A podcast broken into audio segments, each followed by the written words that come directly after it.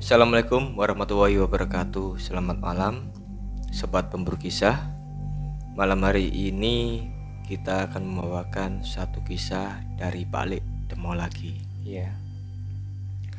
Balik demo ini berkisah mengenai salah satu teror yang terjadi di kampungnya. Teror ini sering kali ditemui oleh orang-orang yang sedang ronda pada Iya, saat itu Kang betul. Dan kebetulan terjadi kembali pada waktu bapaknya Pak Lek Demo ikutan ronda.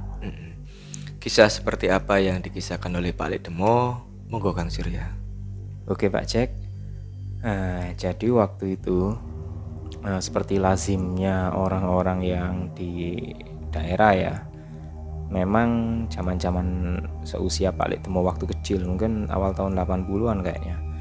Itu memang masih giat siskamling atau ronda warga.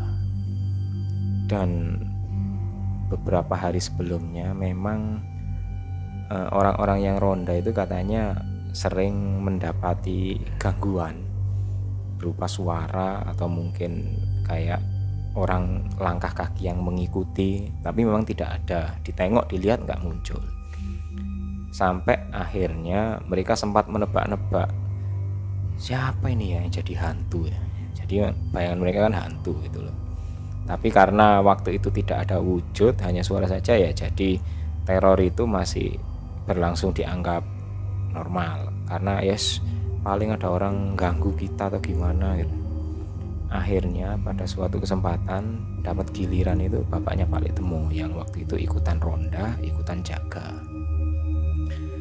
Nah eh, di daerah itu kalau orang jaga itu memang anu Pak Cek eh, ada sekelompok yang di pos ronda atau pos kamlingnya ya. Ada lagi dua atau tiga orang itu yang berkeliling. Eh, mungkin kalau di beberapa tempat berkeliling itu patrol ya melihat situasi lingkungan menjaga kondisi supaya semua area bisa diawasi dengan baik. Nah di tempatnya Pak Litemo ini yang muda-muda memang diminta dapat jatah bagian keliling. Sementara yang bapak-bapak yang sepuh-sepuh itu ya sudah berumur lah. Itu memang di pos kamling sambil rapat atau diskusi mungkin terkait kondisi desa. Anak-anak yang muda ini memang selain keliling kampung, mereka juga dapat tugas. Nah, biasanya di rumah-rumah warga itu kan naruh semacam beras di kaleng gitu ya, ditaruh di depan pintu. Jadi berasnya tidak banyak, mungkin hanya setengah gelas gitu ya. Nah, anak-anak muda inilah yang nanti keliling sambil ngambil beras itu ditaruh di kantong. Katanya seperti itu. Jadi mungkin ada warga yang naruh beras kadang-kadang ada yang ngasih uang 100 rupiah 200 rupiah sebagai penggantinya atau mungkin 50 rupiah zaman segitu kan 50 rupiah 100 rupiah sudah lumayan banyak gitu. Yaitu yang kebetulan tidak sempat naruh beras di kaleng gitu. Nah, ini waktu itu yang berkeliling itu memang tidak banyak hanya dua atau tiga orang anak muda gitu. Mereka itu sudah mulai berjalan itu sekitar pukul 10 malam itu berkeliling kampung dari rumah ke rumah mengambil jumputan beras atau juga e, kontribusi warga ketika mereka melewati suatu tempat yang agak sepi di pinggiran desa itu mereka itu merasa kayak ada suara yang mengikuti. Nah, suaranya ini memang bukan suara binatang atau manusia, tapi suara seperti benda yang di apa ya diayak gitu, seperti pasir diayak atau kerikil diayak. Dan katanya ada juga yang mendengar seperti kayak e, mainan anak-anak gitu. Jadi cerek cerek cerek cerek cerek cerek cerek cerek cerek cerek gitu. Suara itu memang tidak keras, tapi terasa dekat sekali dengan mereka. Mereka mulai heran, dilihat ke belakang, nggak ada apa-apa. Kondisi sangat gelap. Mereka terus jalan. Baru dapat satu rumah lagi, melewati tempat sepi lagi, bunyi lagi. Ya seperti itu. Trek trek trek trek trek trek. Setiap mereka melangkah, suara itu seolah-olah mengikuti dan nggak satu orang, yang lain juga dengar. Mereka sedikit ketakutan, apalagi ketika salah satu itu sempat merasa, weh, kakiku ditabrak katanya gitu ada pak ada yang melintas di kakiku ya sepertinya kayak dia itu ditabrak sesuatu tapi yang wujudnya tidak ada. Jadi bunyi cek cek cek cek itu ditabrak menabrak kakinya. Kaget dia sambil meloncat karena mungkin kondisinya sudah benar-benar membuat mereka ketakutan. Akhirnya ya sudah kita balik aja balik ke pos ronda aja. Kita nggak usah lanjut gitu. Jadi mereka baru dapat ngambil jumputan beras beberapa rumah gitu sudah terganggu oleh hal itu tadi. Cepat-cepat mereka balik ke pos ronda. Baliklah mereka bergegas ke sana. Nah sampai di pos ronda mereka itu bercerita kepada bapak-bapak yang ada di sana. Pak tadi itu kita itu keliling dari rumah ke rumah. Nah ini belum dapat banyak baru ngambil jumputan beras beberapa.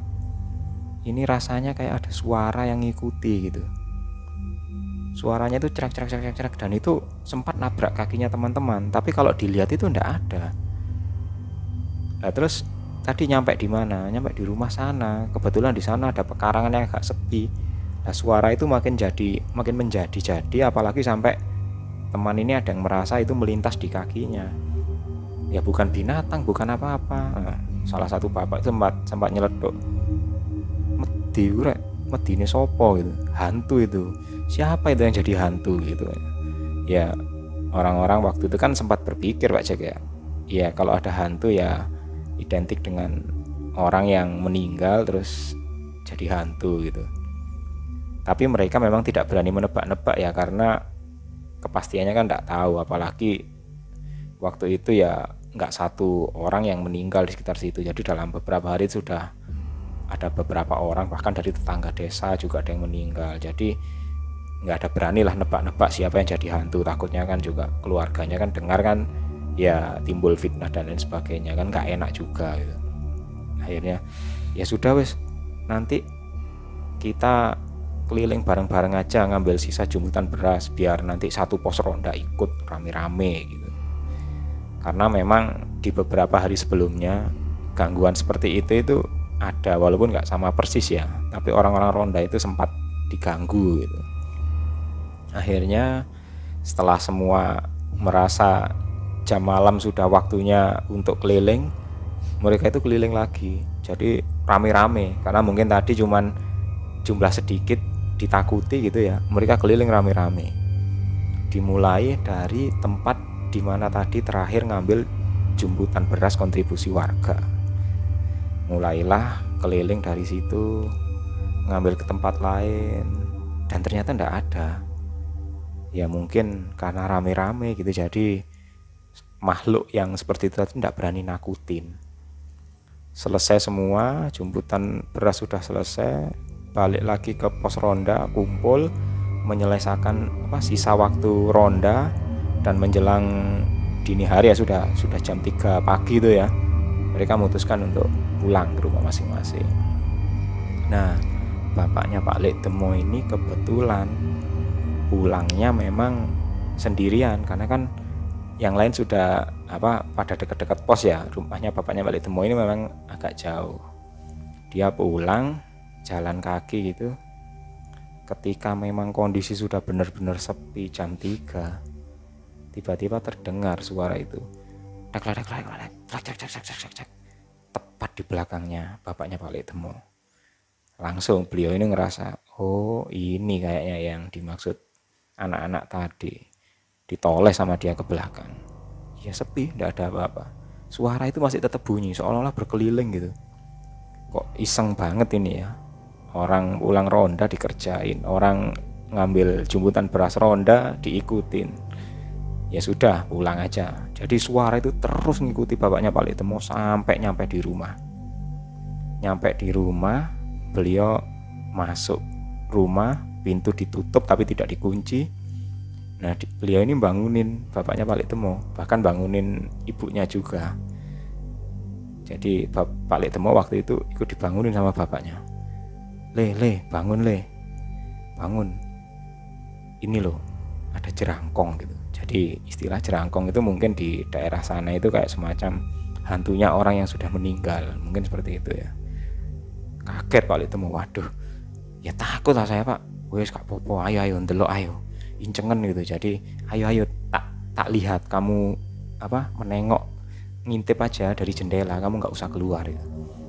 ya akhirnya memang kedengaran. Suaranya itu kayak ya itu tadi cek cek cek cek cek cek dan kadang-kadang itu seolah-olah melintas dari jalan depan rumahnya Pak Lek itu. Cepet itu cek cek cek cek tapi sosoknya tidak kelihatan. Bunyinya itu terdengar.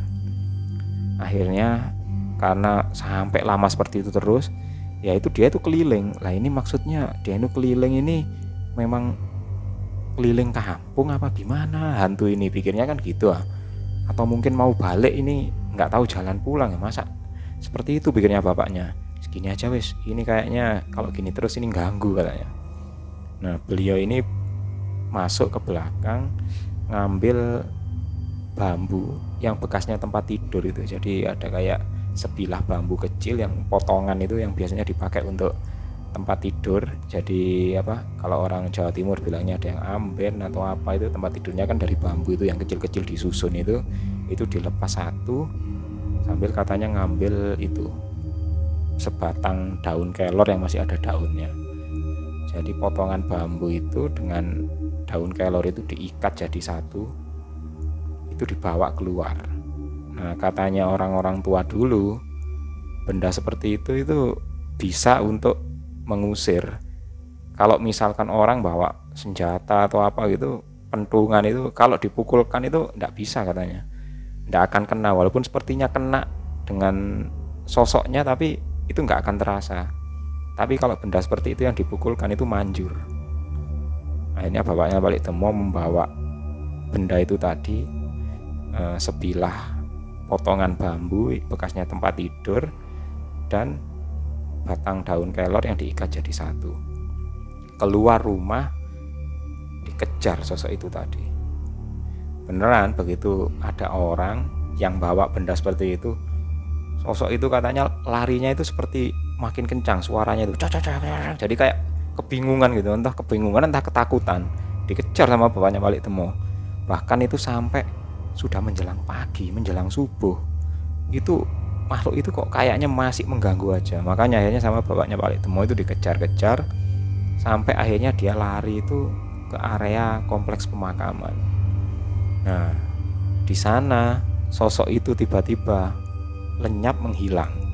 Dan memang menurut penuturan suara itu menghilang di area pemakaman terus kayak berbentuk seperti asap gitu. Nah, bapaknya Wali Temo kan cuma nebak-nebak aja. Waduh, ini memang berarti beneran datangnya dari sini karena dia baliknya ke sini.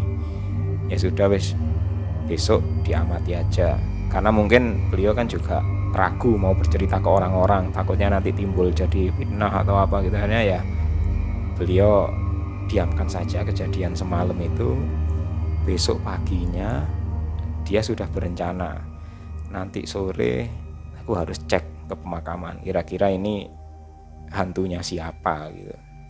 Karena kalau menurut orang-orang dulu kalau hantu jerangkong itu ya keluarnya itu menjelang maghrib itu.